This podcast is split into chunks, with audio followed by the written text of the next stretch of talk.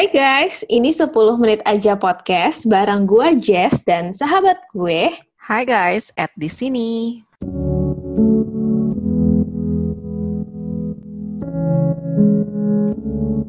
Lin, gue mau belajar sesuatu hari ini, Lin. Dan gue rasa lu orang yang tepat untuk sharing tentang digital marketing.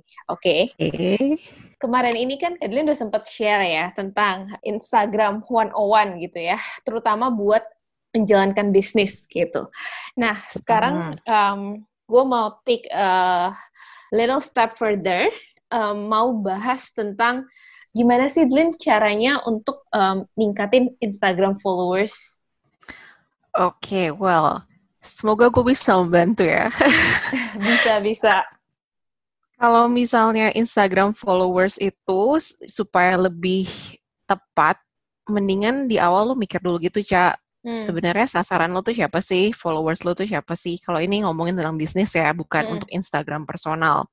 Kalau Instagram personal kan, well, you don't have to think about who your audience are kan. Yeah. Tapi kan kalau misalnya bisnis itu kan beda kan. Kita mau audiens kita atau followers kita tuh yang tepat gitu, Cak. Misalnya kalau lu jualan yang kayak contohnya dulu minuman, jus hmm. gitu, lu mau orang-orang yang mungkin punya healthy lifestyle atau mungkin orang-orang yang emang suka makan dan minuman gitu kan. Hmm. Jadi pertama targetin dulu tuh audiens lu uh, siapa. Terus kalau misalnya untuk cara naikin followers itu sebenarnya caranya ada berapa sih? But in here let's talk about yang nggak pakai followers, nggak uh, beli followers gitu. Mm -hmm. Oke, okay, sebenarnya untuk naikin followers itu kan artinya lo harus men-reach atau ya, menjangkau orang-orang baru kan, Cak? Ya. Yeah.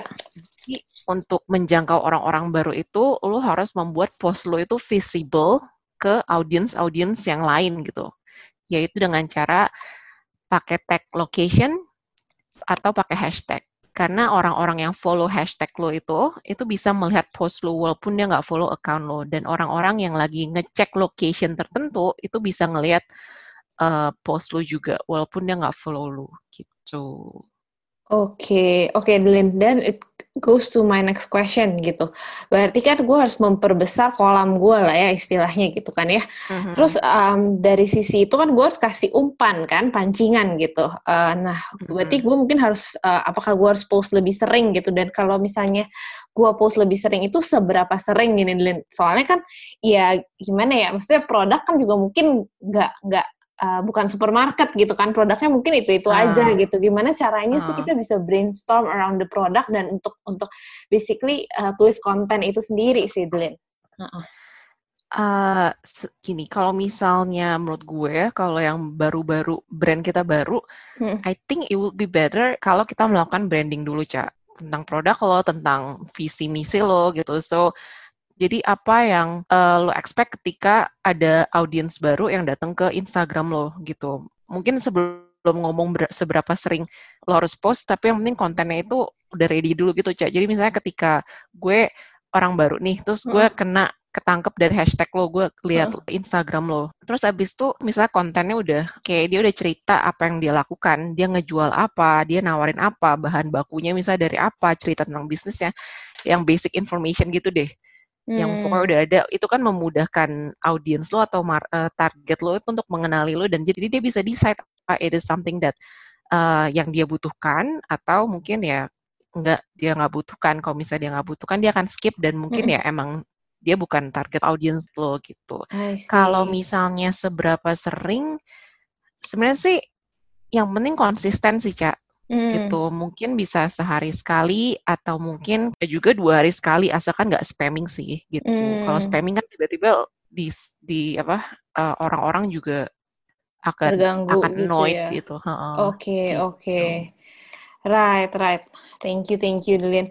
Oke, okay, terus uh, oke okay, kalau tapi kan so far kan ini maksudnya baru satu arah kan, maksudnya dari sisi penjual gitu ke uh, audience, ke, ke mm-hmm. customers atau ke potential customers gitu. Tapi kalau kalau gue lihat kan beberapa brands yang udah emang ada nama nih, Lilin dia kan udah ada uh, engagement kan malah sekarang banyak banget kayak giveaway dan segala macam gitu ya. Mm. Maksudnya uh, gimana ya dengan cara mulai um, mengengage sama potential customer gitu, terutama kan followersnya juga mungkin nggak seberapa banyak gitu kan ya Dylan ya. Kalau urusan engagement, yang kayak naikin followers sih. Jadi sebenarnya dengan lo menambah reach lo, reach itu kan berarti uh, seberapa banyak sih post lo tuh bisa dilihat orang gitu, Cak. Nah, lo tuh mau menambah ini dulu nih, lo harus menambah reach atau impression lo dulu supaya post lo itu banyak dilihat oleh orang dan menjangkau lebih banyak orang gitu. Nah, untuk memulai engagement yang pasti yang pertama dari post lo dulu atau dari konten lo dulu.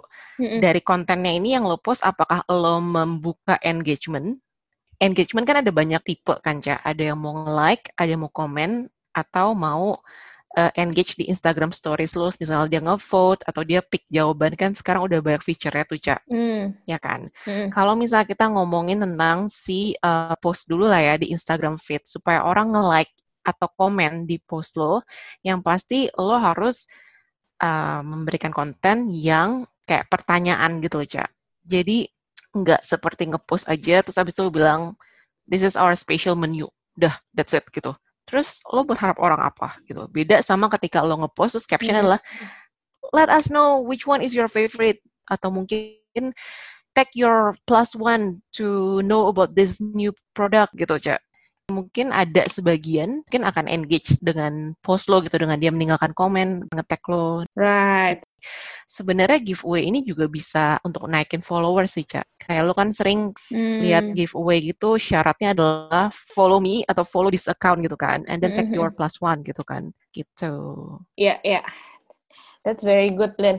Oke, okay, uh, mungkin satu pertanyaan terakhir nih ya, Lin ya kalau misalnya gue gini ya sekarang ini kan yang gue lakukan adalah gue post-post aja gitu ya. Tapi gue itu nggak kayak review oh ini tuh sebenarnya postnya bagus atau enggak sih? Oh sebenarnya ini tuh efektif atau enggak gitu. Jadi pertanyaan gue lebih kayak apakah ada uh, certain KPI Lin dari Instagram ini yang bisa gue jadiin patokan uh, untuk you know kayak scoring my post atau scoring my uh, my action di Instagram bisnis ini udah bener atau enggak gitu Oke, kalau misalnya KPI itu sebenarnya beragam tergantung industri ya, Cak. Karena kalau misalnya kita lihat ada misalnya yang luxury brand, followersnya udah MM-an, tapi ternyata in, yang engage itu cuma sekitar 3 sampai 4 persen gitu. Mm. Tapi ada juga influencer yang engagementnya bisa sampai 10 persen gitu. Sebenarnya itu tuh beda-beda. Cuman yang healthy-nya setidaknya engagement atau orang yang nge-like atau komen di satu post lo itu setidaknya 3 sampai 4 persen dari followers lo.